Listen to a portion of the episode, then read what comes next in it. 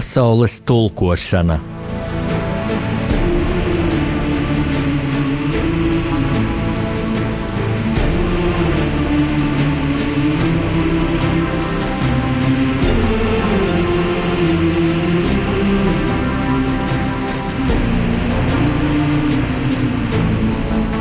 Studijā rakstnieks Jānis Udris.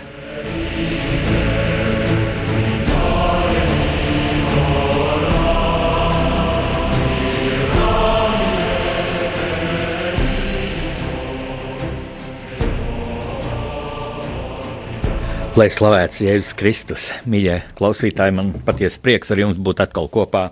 Radio Marija Latvija radio viļņos. Pagājuši divas nedēļas pasaulē bijuši ļoti daudzi svarīgi notikumi gan pasaulē, gan Latvijā, gan priecīgi, gan mazāk priecīgi, gan satraucoši, pat traģiski, terorismu akti. Atkal jauni bijuši notikumi, par kuriem ļoti daudz ir jādomā, un nav nemaz tik viegli atrast tos mezglu punktus, kam veltīt šo manam raidījumam paredzēto stundu. Un tad domājot vēsturiskā perspektīvā, man prātā nāca Izraels valsts. Viena no pasaules visneparastākajām, es teiktu, vispamācošākajām valstīm. E, šī izvēle nav nejauša. Pirms uh, nedēļas es biju uzaicināts uz Izraels valsts svētku diplomātsko pieņemšanu, ko rīkoja Izraels valsts vēstniecībā Latvijā. Mm, un Izraels valsts šo pavasaru atzīmēja 70. gada dienu. Tātad 70 gadi Izraels valstī. Nu, mūsu valstī šogad būs 100 gadi. Tas veidina uz e, salīdzinājumiem, uz vēsturiskām mm, paralēlēm. Un e, man no šīs diplomātiskās pieņemšanas, kas notika SAS Radisson viesnīcas banketu zālē, kas bija diezgan jautra, spēlēja džēzus mūzika, eh, vēstniece, simpātiska, tāda sirsnīga dāma reizē ļoti vienkārša, e, teica runu, kurā bija daudz asprātības, kurā bija apspēlēts šis skaitlis 70, ka tas sastāv no divām daļām, un lūk, pirmā, pirmais cipars septiņi ir šis bībeles skaitlis, septiņās dienās Dievs radīja pasauli, un tā tālāk, un tā tālāk. Un, kad es viņai vēlāk izteicu komplimentu, ka tas tā no diplomāta, mm, no diplomātiskā protokola tradīcijām diezgan netīk neparasti teikt tādu e, valsts svētku runu ar lielu humoru piedeva, tad vēstniece mm, teica, nu, ka viņai to runu ir palīdzējis sastādīt viņas vīrs, kas ir liels joku Pēters, bet zem tekstā izskanēja doma mūsu sarunā, ka, mm, lūk, ebreja tauta un arī Izraels valsts kopš savas pastāvēšanas pirmajām dienām jau ir piedzīvojis daudz traģēdijas, daudz smagas pārbaudījumus, un tādēļ labākais veids, kā tikt tam pāri, kā sekmīgi veidot šodienu, ir humors. Un es šeit, gatavojoties raidījumam, pārskatīju Izraels valsts dibināšanas vēsturi, bet, ziniet, visu laiku skatoties šos 70 gadus, šos notikumus man nāca prātā, ka būtībā Izraels valsts vēsturē veltīta visa vecā derība, šī ļoti mm, nozīmīgā, ļoti specifiskā Bībeles daļa. Vecā derība taču rāda, ka Izraēla tauta, izbeigus no verdzības Eģiptē, meklē savu vietu, savu apsolīto zemi, un cik tas ir grūti, cik, cik šis process ir sarežģīts, cik šis process ir, nu, dialektiski pretrunīgs. Un tāda dialektiski pretrunīga ir bijusi arī Izraels valsts vēsture. Nu, daži tie mezgli punkti, mm, ka mm, pamats Izraels valstī bija neatkarības deklarācijas pasludināšana 1948. gada 14. 14. maijā Telavīvā. Tā ir tāda interesanta paralēla. Mēs savu neatkarības deklarāciju pieņēmām. E, Tātad 90. gada 4. maijā, lūk, arī maijs. Bet Izraela savus valsts svētkus svin mm, dažādos dažādos datumos, jo šis ebreju kalendārs ir diezgan sarežģīts, un tāpēc šis valsts svētku nu, datums mm, katru gadu ir cits, un šoreiz tas tātad bija mm, aprīlī par pamat Izraels valsts dibināšanai formāli bija apvienotā nācija organizācijas ģenerālās asamblejas rezolūcija, kas tika pieņemta 1947. gada 29. novembrī. Rezolūcija ir aicinājumi izveidot ebreju valsti Britu Palestīnas mandātā. Tā, tādu sarežģītu, sarežģītu pretrunīgu teritoriju, un būtībā šī rezolūcija paredzēja Lielbritānijas mandātu teritorijā Palestīnā izveidot divas valstis, sadalot teritoriju starp abām lielākajām etniskajām grupām, starp tur dzīvojošiem palestīniešiem un kopš 19. gadsimta vidus ieceļojušajiem un jau visai ievērojams teritorijas apdzīvojošajiem ebrejiem. Un jāteic, ka ebreji pēdējos gados bija ar bruņotu spēku pārņemuši kontroli par ievērojamām teritorijām, kuras bija paredzētas palestīniešu valsts izveidē tātad lielas politiskas pretrunas jau pašos valsts mm, pastāvēšanas sākumos, un tūdaļ pēc valsts nodibināšanas jau nākamajā gadā sākās Izraels neatkarības karš pret kaimiņos esošajām arābu valstīm, un vienlaiks ļoti sarežģīta diplomātiskā cīņa par starptautisko atzīšanu Te zināms paralēls ar Latvijas valsti, kas tūdaļ pēc nodibināšanas 1918. gadā jau nākamajā gadā, 19. gadā, bija spiest izcīnīt ļoti sarežģītu brīvības karu un neatkarības karu, sākumā pret lieliniekiem, pret Pēters Stučkas lielnieku režīmu, pēc tam pret e, Bermontiešiem, izmisīgi meklējot brīžiem pretrunīgās eh, kombinācijās eh, sabiedrotos. Nu, Izraels valstī pozitīvi bija tas, ka viņi baudīja lielu vispasaules ebreju, ebreju kopienas atbalstu, tā skaitā finansiālu atbalstu, jo mm, rietumu pasaulē, arī tālajos austrumos, būtībā jebkurā valstī ir ietekmīgi mm, ebreji kuri atbalsta savu Izraels valsti. Un kad es savos žurnālista mm, darba gados, es ilgus gadus biju Latvijas valsts oficiālā laikraksta Latvijas vēstnesis ārpolitikas redaktors, e, tikos ar veselu virkni Izraels vēstnieku. Pirmā bija sieviete Tova Hercla, pēc tam nākamais vēstnieks bija ļoti spilgta personība Odets Ben Hurs, e, un es viņiem alaži prasīju, viņu tādu vienkāršu skaidrojumu, viņa cilvēcisko viedokli par Izraels valsts būtību.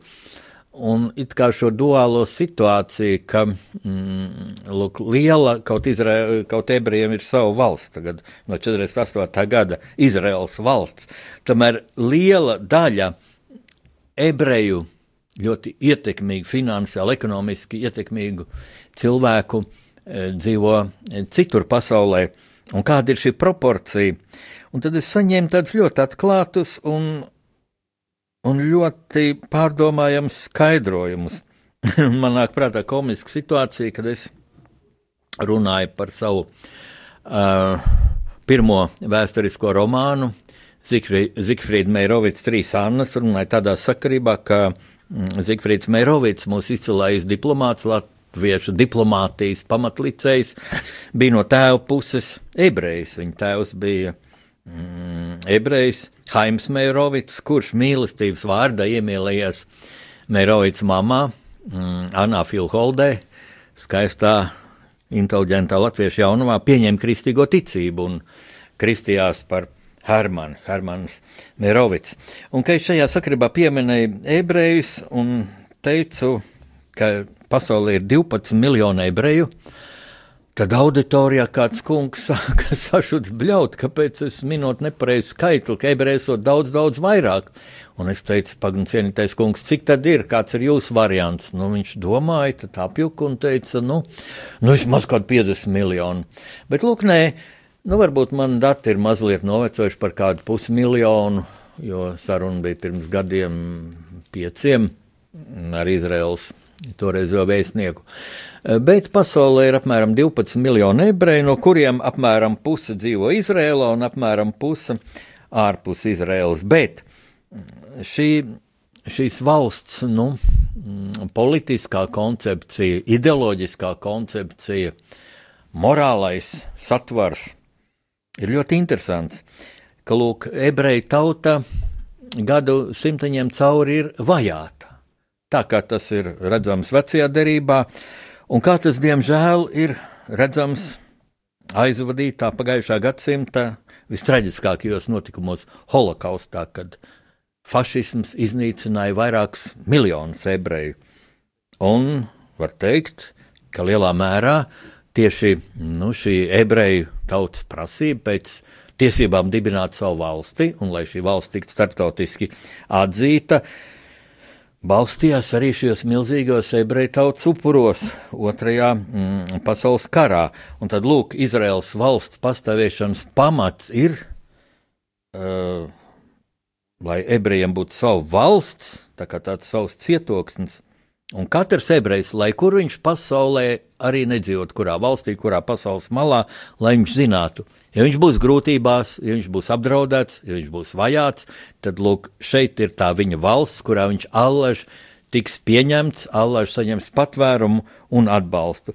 Lūk, tas man liekas ļoti būtiski, ļoti mm, simpātiski, un kādreiz mēs tā runājam, es esmu mūsu sabiedrībā vērojis tādas liels aizspriedums arī pret judaismu kā reliģiju, kas, protams, ir ļoti atšķirīga no kristīgās ticības, kaut arī es atkār, atkārtošos, mm, viena bībeles liela daļa, vecā derība, tātad stāsta par šo ebreju valsts meklēšanu.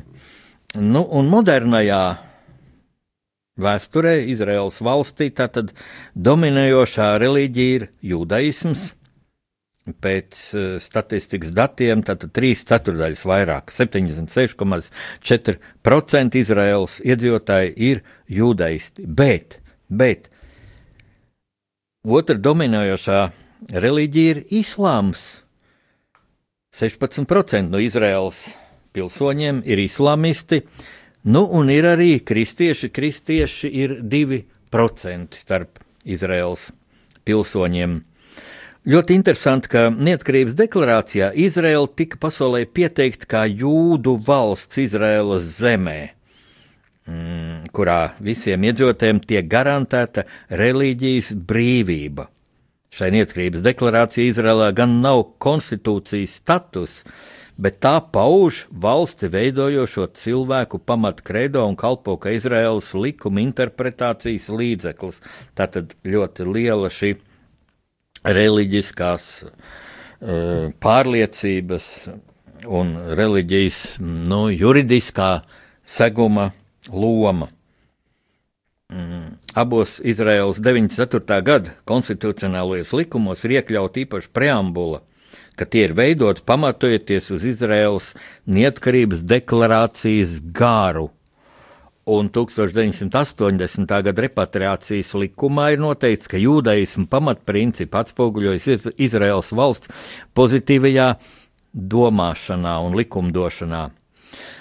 Interesants moments, ka Izrēlā valsts apmaksā jūdaistu reliģiskās vada, vadības algas, izdevumus, Tātad no budžeta pilnībā tiek sektas mm, sinagogu, kapsētu un dažādu reliģisko kultu ēku rekonstrukciju, uzturēšanu tā tālāk un tā tālāk. Bet, bet no valsts budžeta tiek atbalstīti arī musulmaņi, un vairāk nekā 300 islāma garīdzniekiem algas tiek maksāts no valsts kases. Tātad šeit nav nekāda pretruna.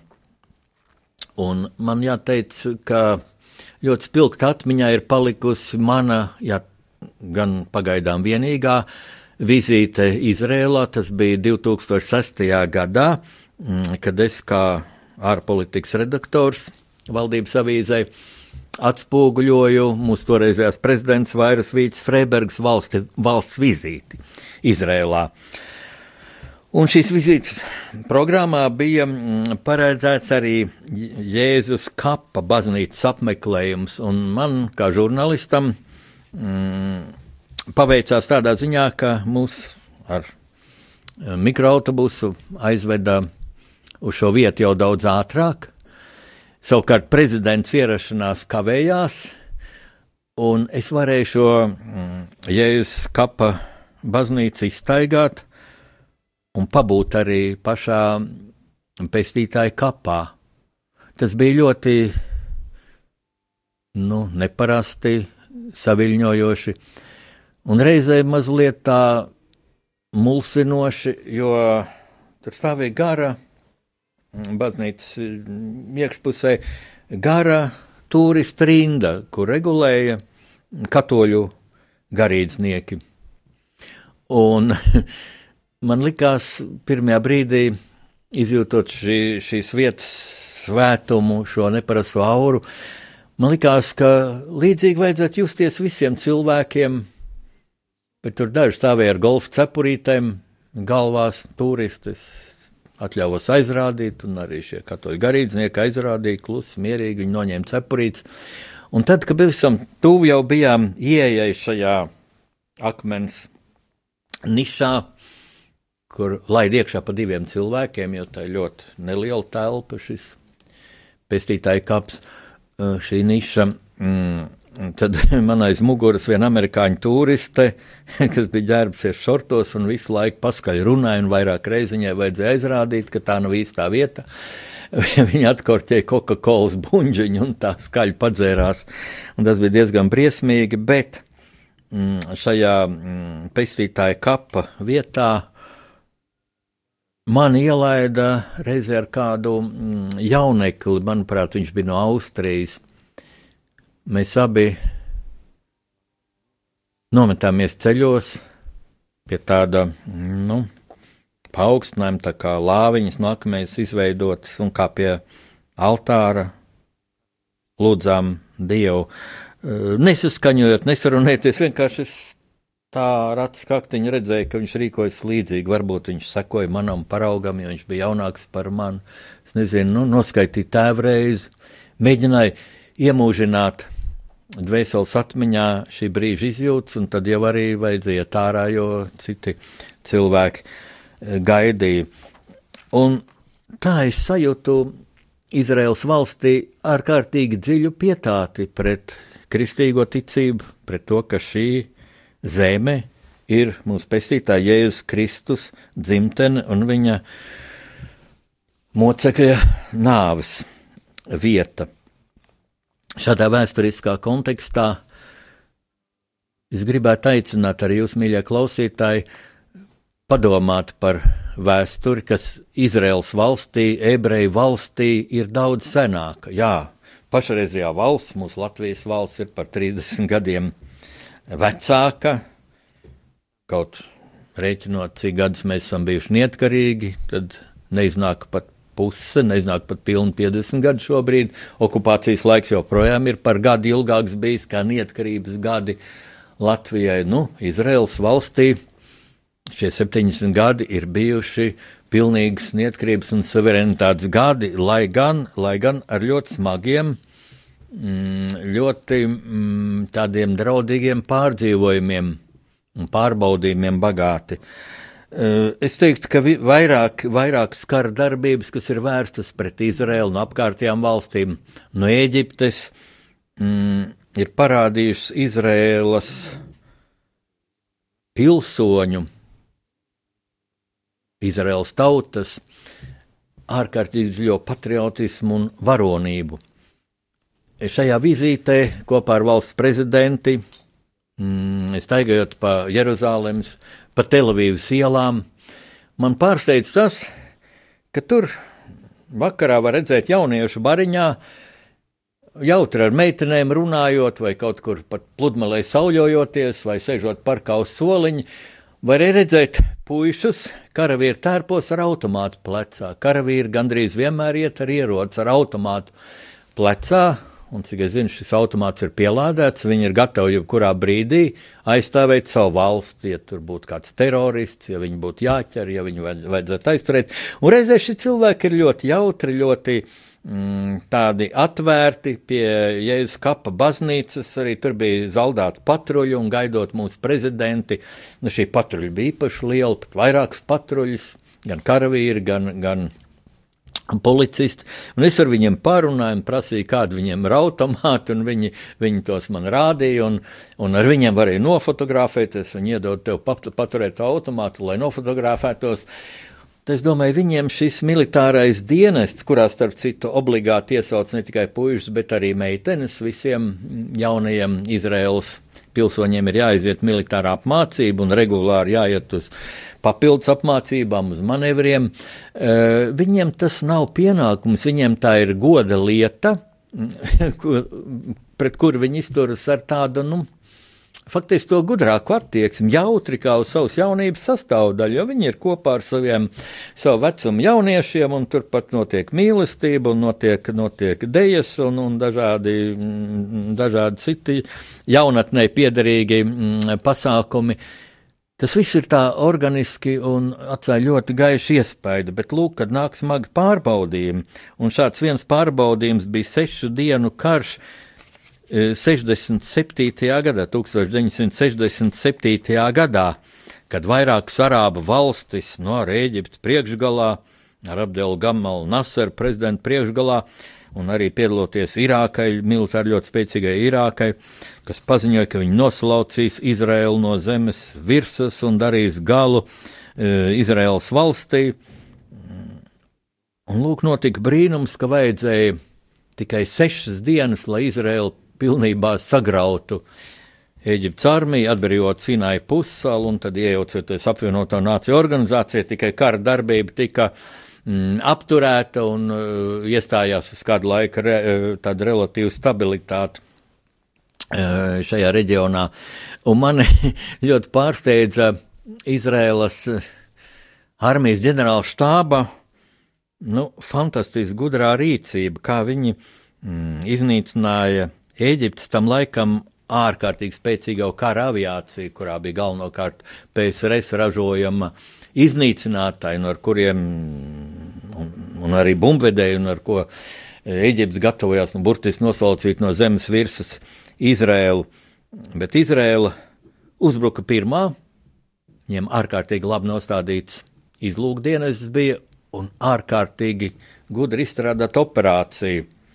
Lūk, eģiptiešu militārie radari, tātad bija notēmēti uz Izraels robežu, un ja Izraels kara aviācija uzlidotu tieši pa taisnu līniju Eģiptiešu aerodromiem, tad viņi netiktu mm, pietiekami dziļi Eģiptes teritorijā. Līdz šiem aerodromiem viņi jau būtu ar Eģiptes raķetēm un ar Eģiptiešu kara aviāciju satriekti. Bet Izraela ar savu aviāciju uzbrukumu veidoja ārkārtīgi gudri. Viņi caur citu valstu teritoriju aplidoja šos radārus, ielidoja simtiem kilometrus dziļi Eģiptes teritorijā, un tad uzbruka šiem eģiptiešu militārajiem aerodromiem no aizmugures, no tā, tās debesu puses, pret kuru radari nebija notēmēti un lielākā daļa eģiptiešu kara lidmašīnu, apmēram pustūkstots lidmašīnu, tika sašauts aerodromā, pat nepagūšas pacelties. Un līdzīgi gudrs un veiksmīgs bija arī Eģipt, eh, izrēliešu mm, tanku uzbrukums, tāds tanku ķīlis uz Sinai pussalu, fantastiskā ātrumā, iedrāžoties eģiptiešu nocietinājumos, aplencot eģiptiešu tanku, ta, tanku lielāko daļu un, un iznīcinot vai sagūstot apmēram pustūkstot tanku. Nu, jāteic arī, ka apbrīnojami ir eh, Izraēlas eh, militārā rūpniecība, šī mazā valsts, kurā dzīvo nu, trīs, trīs ar pusreiz vairāk iedzīvotāji kā Latvijā, un kur pēc teritorijas ir trīs reizes mazāka par Latviju. Pie tam lielu Izraēlas daļu aizņem tūkstneši, Tad nevar salīdzināt, kādā dievu izredzētā zemē mēs dzīvojam ar mežiem, ar pļavām, ar upēm, ar ūdeņiem. Izraēlā ir liels problēmas ar dzeramo ūdeni. mm, ar saldūdeni. Lūk, un viņi daudz modernas ieroču ražo paši. Viņiem ir viens no desmit modernākajiem pasaules tankiem, ko izrēlieši paši ir, ir eh, būvējuši. Nu, un vienu laiku Izraela arī cītīgi attīstīja savu kodolu ieroču programmu, taču būdam ļoti saprātīgi un pielāgojoties rietumu valstu um, politiskās ētikas standartiem, viņi tagad tā, nu, vairs to neafišē, un tas bija tāds izmisuma solis, es domāju, mazas valsts izmisuma solis. Lūk, tik daudz par pašreizējo Izrēlu, man tikai vēl gribētos atgādināt Izraels vēstnieka, bijušā vēstnieka Latvijā Odeta Benhura vārdus, ka mm, laikam ir jābūt ļoti neprātīgai tautai, kāda ir viņa tauta, lai nevien paši ražot sev, bet lai eksportētu uz Šveici šokolādi, uz Vāciju alu un uz Holandi rozes. Lūk, tādi ir šie Izraels sasniegumi, bet mūsu tautas vēsturē, mūsu valsts vēsturē, attiecībās ar ebreju tautu ir arī kāda lapuse, skarba lapus, par kur mēs nevaram nerunāt, un to pēc muzikālas pauzes.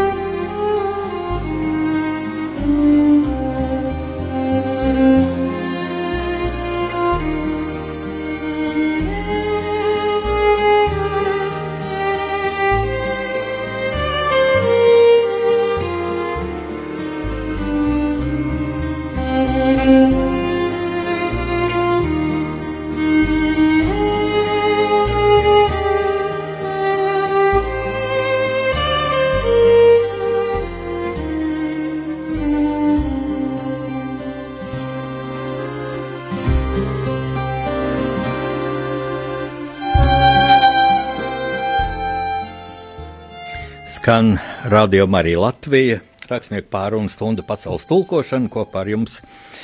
Radioviļņos ir Jānis Udris, vēsturisks romāna autors, un tagad es gribu pieskarties mūsu tautas un ebreju tautas mm, smagiem attiecību pārbaudījumiem otrā pasaules kara laikā. Ziniet, es dažkārt mūsu sabiedrībā tādās sarunās uz ielas, ķēķa sarunās, kā mēs to saucam, mm, vēroja tādu infantīlu attieksmi pret šo mūsu vēstures posmu. Mm, ir tāds uh, triviāls skaidrojums, piemēram, ka mm, baisi otrā pasaules kara notikumi, kurus mēs nevaram noliegt, Un būtu arī naivi izlikties, ka tie nav bijuši, vai arī, teiksim, nerunāsim par tiem, un tad tie it kā vairs nepastāvēs. Mm. Ka tiem ir kaut kāds, nu, ja neattaisnojums, tad izskaidrojums, izskaidrojums patiešām ir. Attaisnojums nav. Kādreiz attaisno min, min tādu no fašistu propagandas pārņemtu tēzi, ka, lūk, ebreji 1940. gadā ļoti jūsmīgi sagaidīja padomju okupantu tankus, un pēc tam, ka viņi strādāja Čekā un slepkavoja latviešus, nu, ka tādēļ ir, tā teikt, saprotams, ka pēc Vācu okupācijas armijas ienākšanas daļa latviešu, nedaudz, bet pāris simti bija šajā arāja rotā, arāja slepkava rotā, nu, ka viņi tā tad piedalījās ebreju iznīcināšanā. Tā ir briesmīga teorija. Es kādreiz, mm, kad bija 14. jūnija deportācija gada diena. Es intervēju toreizējo valsts prezidentu Vairvīķu Freibergu, un es pajautāju viņai, kā viņa mm, izturas pret šo, nu, cilvēku mutēs, un pat dažkārt presē, tā kā 90. gados dažkārt parādījušos uh, versiju.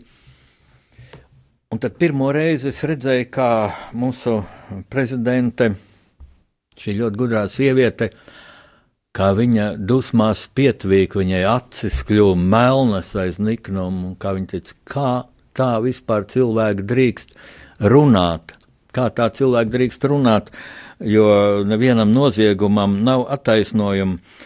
Un tad man nāk arī prātā tādas diskusijas, pat ne diskusijas, bet kaislības savā laikā, 90. gados pat kāds žurnāla redaktors kā dabūja atkāpties no amata, zaudēja darbu par vārda e, žīda lietošanu. Tajā žurnālā uz vāka bija kaut kāda tāda karikatūra uzzīmēta ar kādu ebreju baņķieru un rakstīt žīdu naudu valdu par pasauli un tā tālāk. Un tad šad un tad uzspēl tāda, mm, nu tāda, manuprāt, lieka, lieka prātuļošana, diskutēšana mm, par diviem vārdiem - ebreji un žīdi.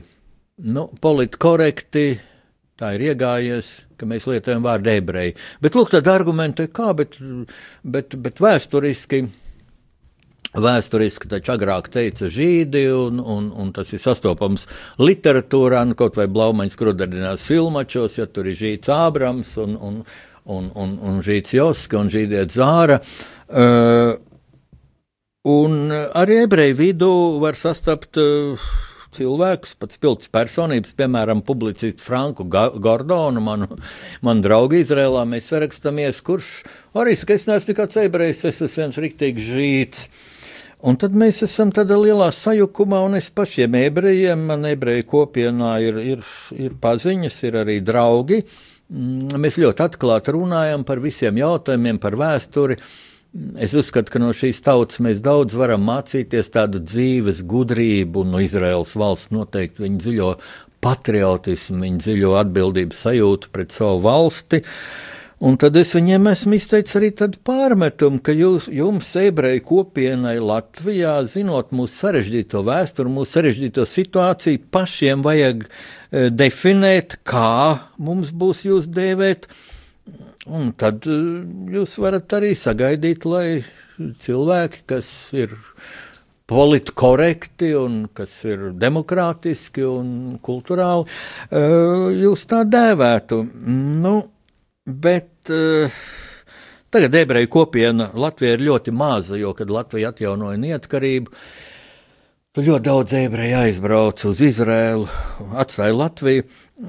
Padomju okupācijas laikos, īpaši 80. gados, Rīgā bija ļoti daudz ebreju, kas ieradās arī no citiem PSRS reģioniem, ja viņi kaut kā tieši šeit gaidīja, spēja apelēt pie padomju uh, režīma varas iestādēm, atkal un atkal prasot atļauju izbraukt uz, uh, uz um, Izrēlu. Es to tā īpaši nesaprotu, kāpēc viņi izvēlējās Rīgu.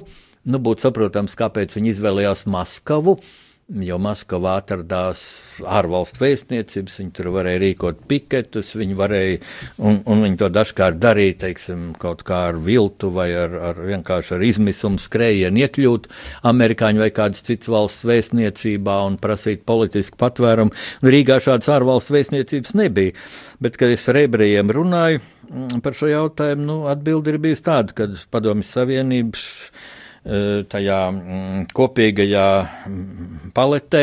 Mm, Rīga bija tā, tāda rietumu, rietumu, rietumiem vistuvākā, psiholoģiski, mentāli vistuvākā pilsēta. Varbūt arī ebreji tā rēķināja, ka šeit ir nu, mazāk represijas pret viņiem, jo Maskavā droši vien sakarā šo ārvalstu vēstniecību atrašanos tur ne, bija daudz lielāka izsakošana. Man ir ļoti grūti pateikt, bet katrā ziņā ļoti daudz ebreju, kad Latvija atstāja neatkarību, mm, aizbrauc no Izraels, eh, aizbrauc no Latvijas uz Izraelu un citām rietumu mm, valstīm. Bet man ir prātā saruna ar Mavriku Vulsonu. Varbūt jaunā paudze jau mazāk zinās šo vārdu. Mavriks Vulsons bija padomju laikā ļoti populārs politisko notikumu komentētājs. Viņš parakstījās ar pseidonīmu M. Vilks, presē parakstījās. Uh, Viņš bieži uzstājās Latvijas televīzijā, kā Maurits Vulsons bija tāds populārs uh, starptautisko notikumu mm, analīzes raidījums Globus televīzijā, kur, nu, padomju cenzūras apstākļiem mm, visai tomēr objektīvi, nu, cik nu vien bija iespējams, tika stāstīts par pasaules politiskiem notikumiem. Un strādāja vēl Mavrīks Vilsons Mākslas akadēmijā par pasniedzēju. Viņš pasniedz tādu, nu, uh, no šodienas, šodienas eh, domāšanas viedokļa briesmīgi priekšmeti, kā marksisms, leņinisms, kaut kā tā tas saucās. Bet viņš to arī darīja ar, ar humoru, un, un studenti viņu ļoti, ļoti mīlēja. Tas bija ļoti neparasti. Bet ar Mauriku Vulsonu viņš bija arī viens no mm, Latvijas žurnālistu savienības vadītājiem. Viņš eh, bija izveidojis tādu starptautisko notikumu komentētāju sekciju, kurā kurā darbojās daudzas pilnas personības, un es arī pavisam jauns žurnālists tur piedalījos un, un ļoti daudz iemācījos. Un tad mēs Mavrikam Vulsonam vaicājām, nu kā tad ir ar tiem apzīmējumiem žīdi un ebreji, un viņš teica, redziet, mīlīši. Mauriks jau bija vecāks par mums, un viņam bija tāds, tāds, tāds teiciens mīlīši. Viņš visu uzrunāja mīlīši, redziet, mīlīši. Līdz līdz fašisma ienākšanai Latvijā, līdz uh, vācu okupācijai Latvijā, līdz holokaustam Latvijā, vārds žīdi bija savā vietā, tur nebija nekāda problēma. Bet vācu okupācijas laikā vārds žīds ebrejiem kļuva par ceļa zīmi uz krematoriju un izkūpēšanas kurstenī. Un uz šī laika, šo notikumu dēļ, Vārds žīts ebrejiem ir aizskarošs, ebrejiem ir sāpīgs. Ja jūs negribat ebreju aizvainot, ja jūs negribat ebreju sāpināt, tad lūdzu lietojiet tomēr šo vārdu ebrejs. Ja jums nav grūti. Nu, lūk, tas ir tas, ko es gribēju šeit pateikt, bet atceroties holokausta notikums, kur daļa latviešu pakļaujoties fašistiskai propagandai, tā naivi iekrita un piedalījās. Vēlreiz saku, daudz viņu nebija, bet tomēr bija. Mm, es esmu jūtis tādu vēsturisku atbildību. Es kā rakstnieks. Un īpaši man liels izaicinājums bija paskaidrot šos notikumus jaunai paudzei. No manām septiņām līdz šim iznākušajām grāmatām uh, Noteikti visneparastākā un arī man vismīļākā grāmata ir Melders un Matīzes ceļojums vēsturē, kur es nosaucu arī Latvijas dzīvā vēsture tīņiem. Tas ir otrs nosaukums. Šī grāmata iznāca 2013. gadā. Nu, tagad tā, protams, jau sen ir izpārdota, bet tā ir atrodama bibliotekās, ceru arī, ka daudziem no mūsu klausītājiem tā ir grāmata plauktos, tāda koši ilustrēta grāmata pusauģiem, uzrakstīta zinātniskās fantastikas garā, kurā es esmu aplūkojis visus Latvijas vēstures notikumus no brīvības cīņām 1919. gadā līdz pat atmodai. Un šajā grāmatā darbojas vēsturnieks, kurš esmu es pats, Jānis Udris, un mani mazbērni. Man ir pavisam trīs mazbērni. Šeit darbojas jaunākie Meldra un Matīs, jauks tāds puisīts un meitenīt brīnišķīgi, un man vecākā mazmeita. Kristiāna ir e, grāmatā iekļauto fotografiju autori. Un tā kā es šeit aplūkoju visu Latvijas e, sarežģītās, pretrunīgās vēstures lapuses, tad šeit ir arī lapuse par Otro pasaules kāru, pirmajām dienām pēc Vācu armijas ienākšanas Latvijā. Un ir tāda epizode, ka mēs šie nu, laika ceļinieki, tātad mēs esam savu, savā veidā nokļuvuši laika mašīnā un ceļojam pa dažādiem Latvijas vēstures notikumiem. Mēs, mēs esam tagad 41. gada jūlijā. Uh, mēs paši tur bēgam no vācu patruļas, jā, lai nerastos sarežģījumi, jo, jo cilvēkiem no, no 20. gadsimta nu, nav, nav attiecīgo dokumentu, ko rādīt e, šai nacistu e, patruļai. Un mēs iemūkam kādā, mm, kādā tumšā mm, tumšā uh, trepitelpā. Un kopā ar mums ir suns arī, tas ir mans mazbērnu suns, Kenta, Eģiptes faraona suns, tāds rudā krāsā. Un lūk, tumsā, tad man ir grāmata priekšā, es cik nu laiks atļauj, mazas fragmentiņas palasīšu. Un uh, tumsā pēkšņi mēs dzirdam, ka Kenta kādam laiza seju no tumsas atskan bērna smiekli. Man kūti iesaucās dzidra bērna balstiņa. Vectēvs, tas ir es, ja paspīdināja mobilā telefona ekrānu, ieraudzīja melnīgs neizprogaini matieskaut zēnu seju. Puisīt, ko tu te dari? Jānis vaicāja, tas ir es vaicāju, ja kaut saprata, ka puisēns slēpjas, viņš bēbrējis, kur ir tavi vecāki? Vecāks pārlabo jautājumu, zēns iešņukstējās. Tēti un mamma aizved seši onkuļi. Viņi bija dusmīgi un kliedza, ka visus žīdus vajagot nošaut. Onkulīt, viņi taču man tēti un mamma nenošaus. Puisēns pieķērās pie vēsturnieka rokas. Nē, puisīt, vecā zēna mierināja, viņa tikai baidīja, bet šeit tu nedrīkst palikt. Spēja impulsu vadīts, viņš paņēma svešo zēnu pie rokas un izved bērnus pagalmā. Šeit smaržoja pēc svaigi zāģētas malkas, turpat stāvēja brezentu pārvilkta kravas mašīna. Vilcināties nedrīkstēja, patruļas vīri droši vien bija viņiem jau spēdām. Ieskaties mašīnas kabīnē, vecāks redzēja, kā aizdedzis atslēga ir vietā. Žigli iestūmis bērnu kabīnē, viņš piesiedās pie stūres, iedarbināja motoru un izgriezis mašīnas ielas, brauca prom no bīstamās vietas. Un kur tad mēs tā braucām? Mēs braucam uz Ķīpsalu, uz to vietu, kur tagad atrodas Ķīpsels peldbaseins, kur es eju divas, trīs reizes nedēļā peldēt, un daudz no jums, mīļie klausītāji, arī turpiet peldēt. Bet ne katrs, diemžēl, zina, ka aiz šī peldbaseina, turpat no peldbaseina fasādes gar kreiso malu peldbaseinam ejot, pakāpjoties kalniņā, mēs nonākam pie Žaņa Lipkes muzeja, pie muzeja, kas ir jaunākais Rīgas muzejs, manuprāt, uzcelts pirms dažiem gadiem uzcelts vietā, kur latvietis Žanis Lipke, ostas strādnieks, leģendārs vīrs, tāds dēkainis, nebūtu ne paraugu cilvēks, viņš bija kontrabandists savā laikā, neatkarīgās Latvijas laikā. Viņam bija grozna mašīna un jahta, un kas tikai viss viņam nebija, pēc tam viņš to pazaudēja. Bet, lūk, kara laikā viņš kaut kādas dīvainas um, idejas vadīts, cilvēku mīlestības vadīts, vienkārši naidā pret nacistu okupācijas režīmu. Viņš savā mājā slēpa ebrejus. Viņš strādāja ostā par brigadieri, viņam bija vajadzīgi strādnieki, un viņš ņēma no ebreju geto strādniekus ar vārds atļauju. Un tad dažādi viltojot dokumentus un tā tālāk šos cilvēkus veda pēc darba ostā nevis atpakaļ uz geto, bet slēpa. Slēpa savus mājas pagalmā, izraktā bedrē zem šķūnīša, pēc tam arī lauku mājās, un tā viņš izglāba desmitiem cilvēkus.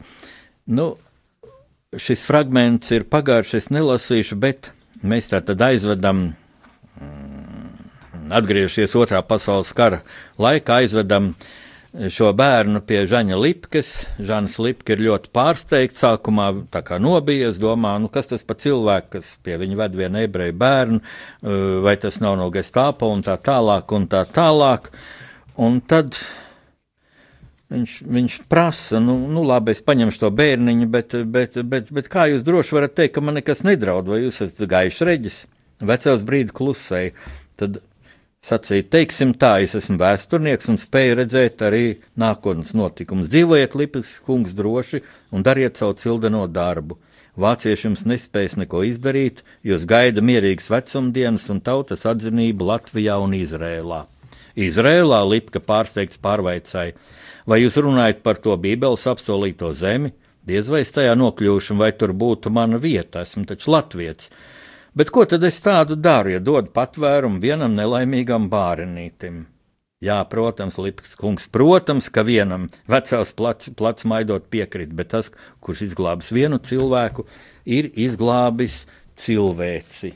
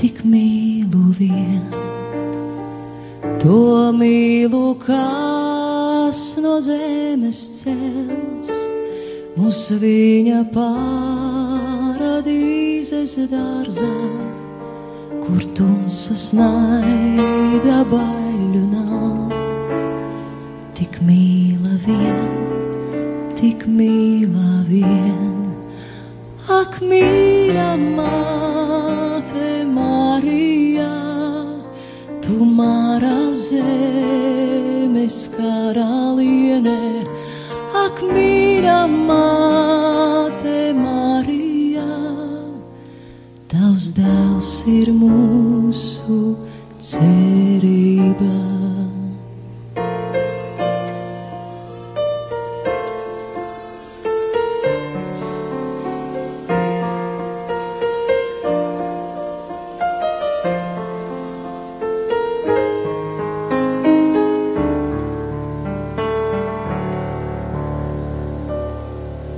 Tavs dēls pat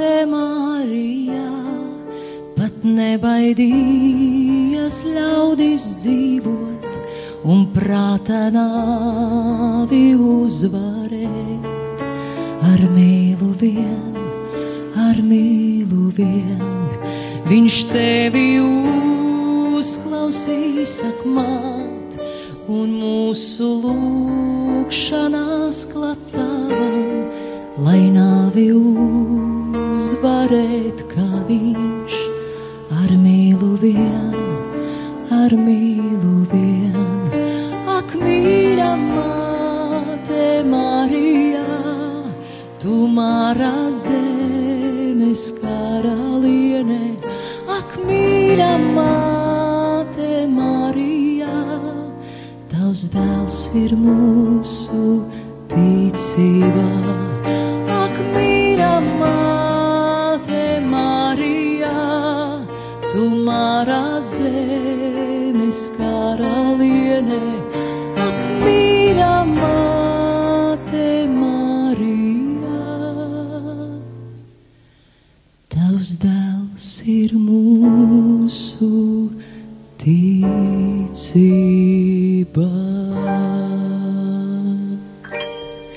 Mīļie draugi, ar jums vēl kopā dažas minūtes būs Jānis Udrs, skan rakstnieku pārunas un pasaules tulkošana. Pēc šīs brīnišķīgās dziesmas būtībā vairs neko negribētos runāt. Es domāju, šī dziesma ir arī lieliska dāvana ebreju tautai, Izraels valstī, no kuras mēs daudz varam mācīties, jo tā ir arī mūsu sabiedroto valsts. Tā ir rietuma demokrātijas valsts, kaut atrodas citā geogrāfiskā reģionā. Bet tas, ko mēs vispirms varam mācīties, un ko es ļoti gribētu, lai mēs mācāmies, ir dziļais izrēliešu patriotisms pret savu zemi, dziļā pienākuma apziņa. Un tur nu tiešām tā ir tā valsts, kurā tās pilsoņi atceras un realizē kādreiz ģeniālā Amerikas prezidenta Džona Kenedija vārdus neprasi, ko tev valsts var dot tev, prasa, ko tu vari dot savai valstī.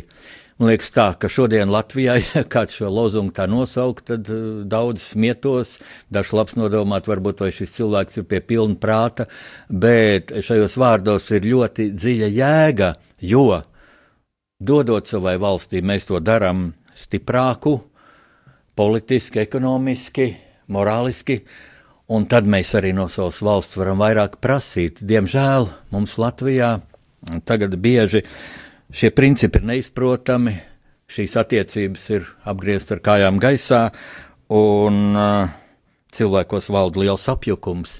Un tad nu plašsaziņas līdzekļu, es teiktu, uzdevums būtu nevis meklēt sensācijas, bet, bet atspoguļot parādību būtību. būtību. Un šajā ziņā man ļoti sarūktināja mm, un satrauca pēdējo dienu, vēl šīs nedēļas sākuma tāda diskusija sociālajos tīklos, kas izraisījās par kādu televīzijas panorāmas sīžetu. Lūk, jauna ģimene, sievai 30 gadi, vīram 37 gadi, jauna ģimene no Baldones, sakrā koferus un atstāja Latviju, atstāja visiem laikiem, dodas uz Angliju. Uh, Šī ģimene ir ārkārtīgi simpātiska, glīti, jauni cilvēki. Var redzēt, viņi cits citu mīl, viņiem ir trīs bērni, viņš šos bērnus mīl. Viņi mīl savu sunīti, nevis kā dažs labs, kas dodas uz ārzemēm sunīti. Labākajā gadījumā nodot dzīvnieku patversmē, bet ir arī tādi, kas atstāja piesiet sēdes vidū. Uh, nē, viņi arī sunīti vedīs uz Angliju. Tas viss ir ļoti skaisti un noskatoties šo televīzijas sižetu, rodas reklāmas iespējas. Lūk, tā vajag darīt. Dariet tā, jo tā dara šie skaistie, ļoti pozitīvie, ļoti gaišie cilvēki. Un tad es tā iztēlē jau dzirdu, ka man e, kolēģi, žurnālisti teiks, jā, bet tas tā ir, tā ir patiesība, tur nekas nav melots un tā tālāk. Jā, jā, tā tas ir, bet tā nav objektivitāte. Es to saucu par objektīvismu, kas jau ir tendence, kaut kāda zināma poza. Nu, viens es tā saprotu, žurnālistiem īpaši no vizuālo mēdīju jomas ļoti vilinoši parādīt glītas cilvēkus. Žurnālistam ir liels izaicinājums atrast cilvēku, kurš labi sakarīgi prot runāt. Un lūk, šie divi aizbraucēji ļoti labi, ļoti sakarīgi runā. Šis sižets ir perfekti ar glanci, varētu teikt, nostrādāts bet nav vienkārši padomāts, kam tas ir izdevīgi. Latīņu valodā ir tāda sentence, kui prodest, kam tas ir izdevīgi. Un tas ir izdevīgi cilvēkam, kurš nevēl Latvijai labu, cilvēkam, spēkiem, kas vēl Latvijai sliktu. Ja, ja mēs gribam parādīt objektīvu, satraucošos procesus, kāpēc cilvēki brauc prom no Latvijas, jā, tad rādīsim, un tie ir tās ir ekonomiskās, tās ir sociālās problēmas. Tad parādīsim vecenīti, kur skaita pēdējos eiro centiņus, lai nopirktu maizi kukulīti. Parādīsim ģimeni, kas ir izsviest no dzīvokļa, jo nevar samaksāt augsto īres maksu ar visiem oikiem un tam līdzīgām muļķībām, varbūt arī blēdībām, ko iestrādājušas mūsu, likteni, mūsu valsts likteni iepriekšējās valdības un ko, ko ļoti vārgi vēl risina pašreizējā valdība.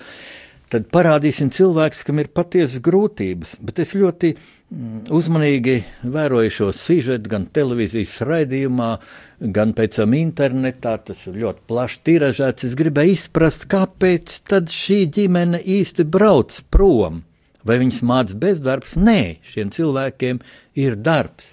Šī sieviete ir jau vairāk kārt strādājusi ārzemēs, tur tīrījusi dzīvokļus, un nu, ko nu, tur var darīt, tādus vienkāršus darbus.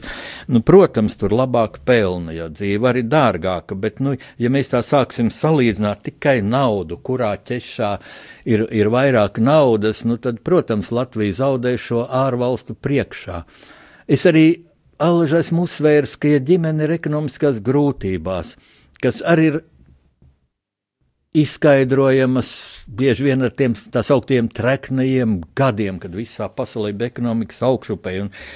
Latviešu tā laika politiķi, Latvijas tā laika politiķi uh, um, pat necentās tā regulēt īpaši, un bankas tikai pumpēja šos kredītus, tikai ņemiet, ņemiet, ņemiet, ņemiet, un daudz cilvēku nokļuva parādu verdzībā, zaudēja mājas, dzīvokļus kas bija ņemti uz kredīta, dabūja glābties ārzemēs, lai šos kredītus dzēstu vai lai aizbēgtu no tiem.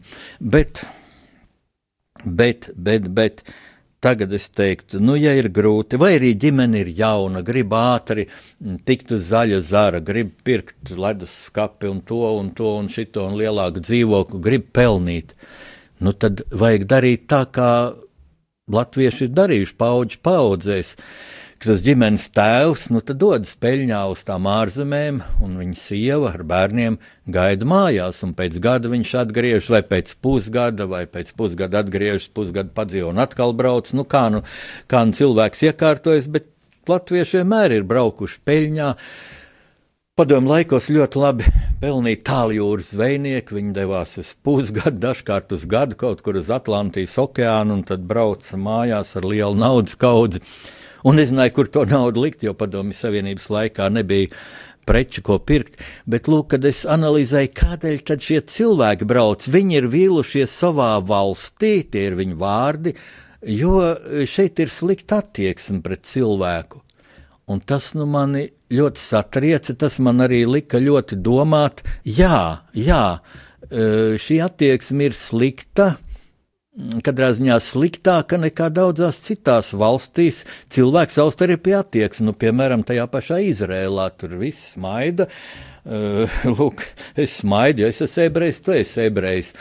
Mums arī vajadzētu taisīt tev smaidu, jo es esmu latviečs, tu esi latviečs, bet, bet, bet viņiem, lūk, nu, viņus aizvanoja darba devēju attieksme. Bet, mīļie cilvēki, šī attieksme jau esam mēs paši vai tad jūsu, es tagad vēršos pie šiem prombraucējiem, vai tad jūsu attieksme pret saviem līdzcilvēkiem ir labāka, vai tad jūs pret visiem smaidat? Nē, jūs nesmaidat, jo ar, jūs aiz, ar savu aizbraukšanu jūs daudz esat sarūktinājuši. Tā plašākā nozīmē par smaidu domājot, jūsu attieksme ir slikta pret savu zemi, Tā ir ņēmēja attieksme, jūs esat ņēmēji, un jūsu motivācija ir infantīla. Tā es teiktu, man arī sarūknēja tāda mm, televīzijas uh, reakcija nākamajā dienā, kad diezgan aroganti tika paziņots. Lūk, psihologi uzskata, ka šiem cilvēkiem ar pašapziņu viss ir kārtībā, nu drīzāk nav kārtībā tiem, kas viņus kritizē. Es nezinu, no kurienes bija izrauts jēdziens, ka tieši pašapziņa nebūtu kārtībā. Protams, šiem cilvēkiem ir ļoti augsts pašapziņa, jo no ar zemu pašapziņu apveltīts cilvēks vienkārši ne, nu, neriskēs braukt uz ārzemēm. Tur jābūt pašapziņīgam cilvēkam. Es teiktu, viņa pašapziņa ir pārgājusi augstprātībā, un tad televīzija tā vietā, lūk, tur nointervēja vienu psiholoģu, kas arī skaidro, lūk, kas ir pašapziņa un tā. tā. tā kā es ļoti gribētu, lai mēs padomājam, pirms rādām šādus sižetus un lai Lai vienkārši paši sev vispirms atbildam uz jautājumu, kam tas ir izdevīgi, kui prodest. Tā, lai Dievs jūs svētī un sargā līdz nākamajai reizei, mīļie klausītāji.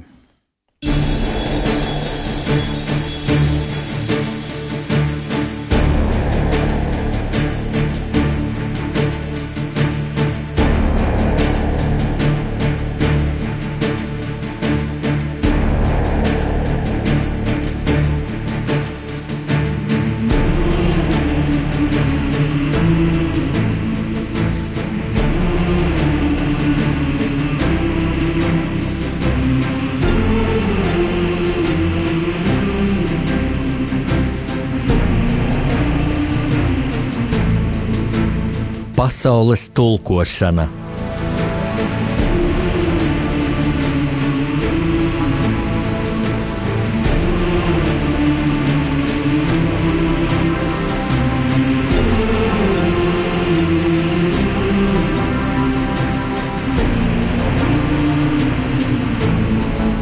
Studijā rakstnieks Jānis Udris.